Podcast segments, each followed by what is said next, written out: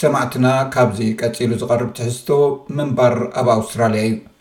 ኣብ ናይ ሎሚ መደብና ምምልካት ንናይ ውልቂ ልቓሕ ዝብል ክኸውን እዩ። ሰናይ ምክትታል። ብዙሓት ሰባት ወጻኢታት መነባብሮ ባዕሎም ንምምሕዳር ዘለዎም ድሌት ካብ ግዜ ናብ ግዜ እናወሰኸ እዩ ዝኸይ ዘሎ። ይኹን እምበር ቅድሚ ዝኾነ ይኹን ናይ ልቓሕ ስምምዕ ምግባር ብጥንቃቐ ክሕሰበሉ ዘለዎ ሓያሎ ረቋሒታት ኣለዉ። ብውልቅኻ እትልቅሖ ገንዘብ ኣብ እተወሰነ እዋን ምስ ወለዱ እትመልሶ ልቓሕ እዩ። መብዛሕትኦም ሰባት ንሓደ ኣዝዩ ፍሉይ ዝኾነ ነገር ብምሕሳብ እዮም ናይ ውልቆም ልቓሕ ዝልቅሑ። ንኣብነት ኣንድሪው ዳድስዌል ካብ ASIC ወይ ኣውስትራልያን ሴኩሪቲ ኤንድ ኢንቨስትመንትስ ኮሚሽን ብዛዕባ እዚ ይገልጽ።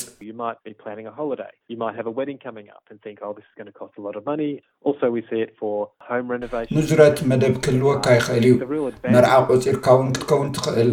ዳሕራይ እዚ እዚ ብዙሕ ገንዘብ ከም ዘድልየካ ትሓስብ። ኣብ ርእሲ እዚ ንመኪና፣ ንመግዝኢ መኪና፣ ገዛ ንምሕዳስን ዘድሊ ወጻኢታት ክትደሊ ትኽእል።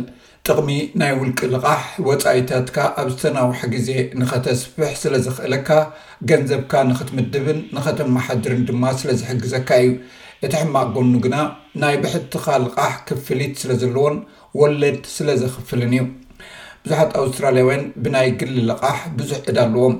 እቲ ንውልቀ ልቓሕ ዝወሃብ ልሙድ መጠን ልቓሕ ካብ ክልተ ሽሕ ክሳብ ኣብ ሚእቲ ሽሕ ዶላር ዝበጽሕ እዩ፣ መብዛሕትኡ ግዜ ድማ ኣብ ውሽጢ ክልተ ክሳዕ ሸውዓተ ዓመት እዩ ዝኽፈል። ኩሉ ሰብ ናይ ውልቂ ልቓሕ ክረክብ ኣይፍቀደሉን እዩ፣ ስለዚ ኣለቃሕቲ ኣብ ውልቃዊ ኩነታት ተሞርኪሶም ንኣመልከትቲ ይግምግሙ። ብተወሳኺ ነፍሲ ወከፍ ኣለቃሒ ዝተፈላለየ ረቋሒታት ክህልዎ ይኽእል እዩ። ኣንድርያስ ዳድስወል ብዛዕባ እዚ ይዛረብ። Generally speaking you need to be over the age of eighteen and you need to be an Australian citizen or a permanent resident. ብሓፈሽኡ ክረኣ እንከሎ ሓደ ሰብ ንናይ ውልቂ ልቓሕ ንምርካብ ዕድሚኡ ካብ ዓሰርተ ሸሞንተ ዓመት ንላዕሊ ክኸውን ኣለዎ ከምኡውን ናይ ኣውስትራልያ ዜጋ ወይ እውን ቀዋሚ ነባራይ ክኸውን ኣለዎ። ኣብ ገለ ኩነታት ከም ግዝያዊ ቪዛ ንዘለዎም ናይ ውልቂ ልቓሕ ዝረኽቡሉ ኩነታት ኣሎ እንተኾነ ግን ተወሳኺ ረቋሒታት ክህሉ ይኽእል። ኣለቃሕቲ ምስ ናይ ገንዘብ ታሪኽካ ብዝተሓሓዝ ይሓቱኻ። እንታይ ዓይነት ስራሕ ኣለካ? መንነትካ ከተረጋግጽ እውን ኣለካ። እንታይ ዓይነት ዕዳጋታትን ንብረትን ኣለካ እውን ክሓቱኻ እዮም። ንኣብነት ክረዲት ካርድ ደቢት ኣሎካ ዶ? እዚ እውን ክሓቱኻ ይኽእሉ እዮም።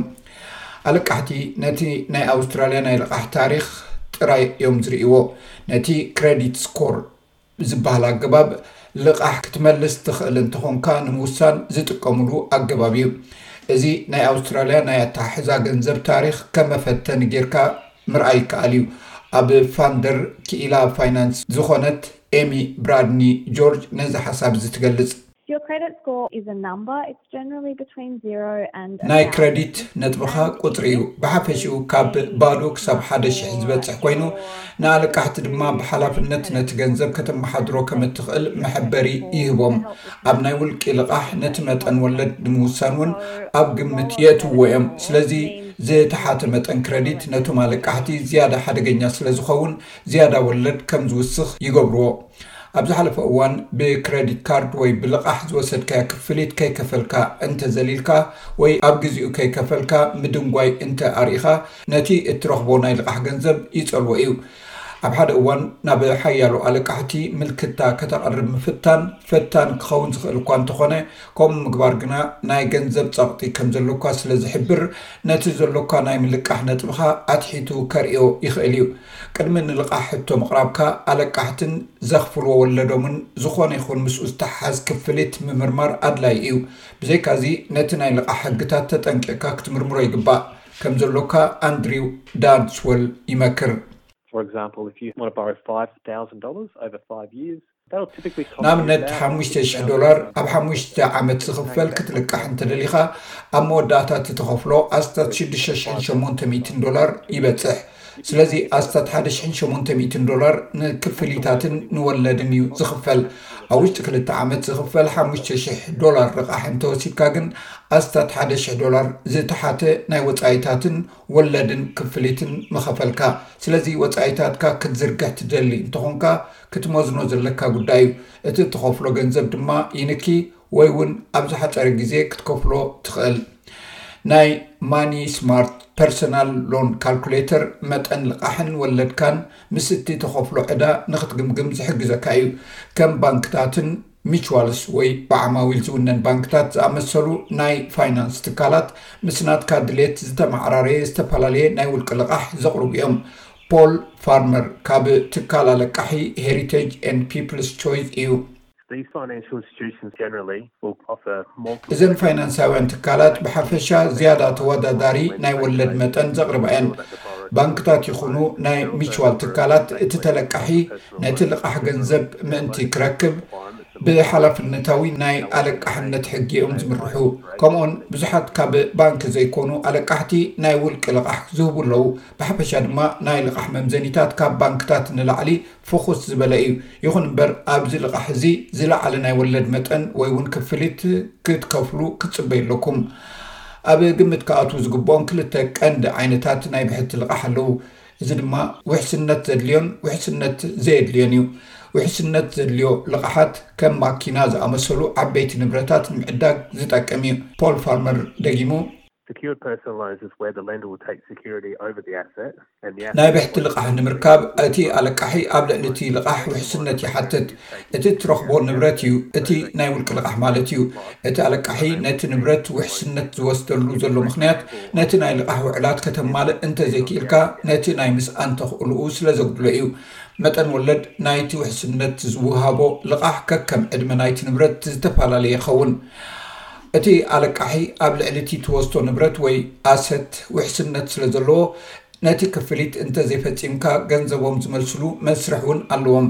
ብሓፈሽኡ ውሕስነት ዝወሃቦ ልቓሕ ወይ ሰኪዩርድ ሎንስ ቀዋሚ መጠን ወለድ ወይ ፊክስድ ኢንተረስት ሬትስ እዩ ዘለዎ። ስለዚ ነቲ ንብረት ኢንሹራንስ ክትኣትወሉ እውን ትሕተት ትኸውን። እቲ ካልእ ኣማራጺ ውሕስነት ዘይብሉ ወይ ውሕስነት ዘይወሃቦ ልቓሕ እዩ። እቲ ገንዘብ ዳርጋ ንዝኾነ ይኹን መዓላ ከተውዕሎ ከም እትኽእል ሚስተር ፋርመር ይገልጽ። ውሕስነት ዘይወሃቦ ወይ ዘይብሉ ናይ ውልቂ ልቓሕ ንምርካብ ውሕስነት ምቕራብ ኣየድልየካን እዩ።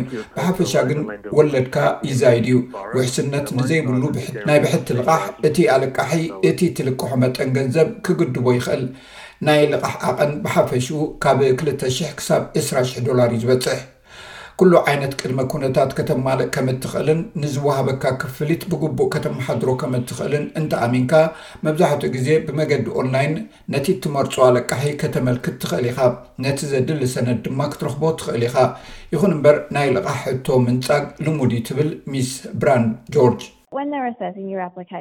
ነቲ ዘመልከትካዮ ክግምግሙ ከለዉ ንመኽፈሊታትካ ዝኸውን እቶትካ እኹል ከም ዘይኮነ እንተ ተሰሚዕዎም ንሕቶኻ ወይ ንመመልከቲኻ ክነጽግዎ ይኽእሉ እዮም።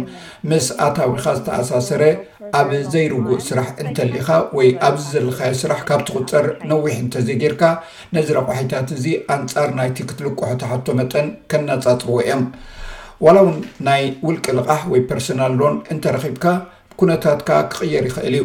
ብእዋኑ ዕዳኻ ዘይምኽፋል መብዛሕትኡ ግዜ ተወሳኺ ክፍሊት ዝስሕብ እዩ። ቀልጢፍካ መፍትሒ ንምንዳይ ከም ናይ መዓልታዊ ልቓሕ ምውሳድ ወይ እውን ናይ ክረዲት ካርድኻ ምውሳኽ ንዘይውዳእ ናይ ዕዳ ዑደት ክትቃላዕ ይገብረካ እዩ። ኣብ ጽንኩር ኩነታት እንተለኻ ብዛዕባ ናይ ገንዘብ ጸገም ኣማራጺታት ምስ ኣለቃሒኻ ምዝርራብ ኣገዳሲ እዩ። ናይ ልቓሕ ኣገባብ ምኽፋል ክቕይርዎ ይኽእሉ እዮም። ኣንድሪው ዳትስወል ካብ ማኒስማርት፣ ዝኾነ ሰብ ምስ ናይ ገንዘብ ኣማኻሪ ክራኸብ፣ ናይ ገንዘብ ጉዳይ ከጋጥም የተባብዕ። ናይ ገንዘብ መማኸርቲ ብነጻ እዩ፣ ብ ዓሰርተ ሸሞንተ ባዶ ባዶ ባዶ ባዶ ሸውዓተ ባዶ ባዶ ሸውዓተ፣ ናሽናል ዴት ሄልፕላይን፣ ወይ ድማ እንግሊዝኛ ዘይትዛረቡ እንተኾንኩም ወይ እውን እንግሊዝኛ ካልኣይ ቋንቋኹም እንተኾይኑ ኣገልግሎት ምትርጓም ክትጥቀሙ ትኽእሉ ኢኹም። ከምኡውን እቲ ናሽናል ዴት ሄልፕላይን ነዚ ኣገልግሎት እዚ ክጽውዓልኩም ይኽእሉ እዮም።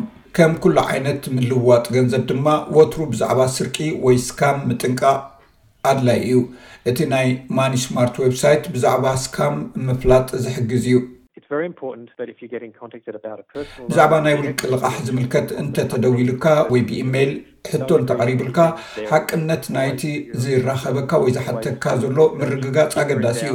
ብኡንብኡ ኰነ ድሕሪኡ ዝዀነ ይኹን ነገር ስምምዕ ኣይትፈጽም። ወትሩ ትጉህ ምዃን፣ ኵሉ ግዜ ምምርማር ኣገዳሲ እዩ። ዘጠራጥር እንተ ዀይኑ ሓገዝ ምሕታት። እዚ ምንባር ኣብ ኣውስትራልያ እዩ።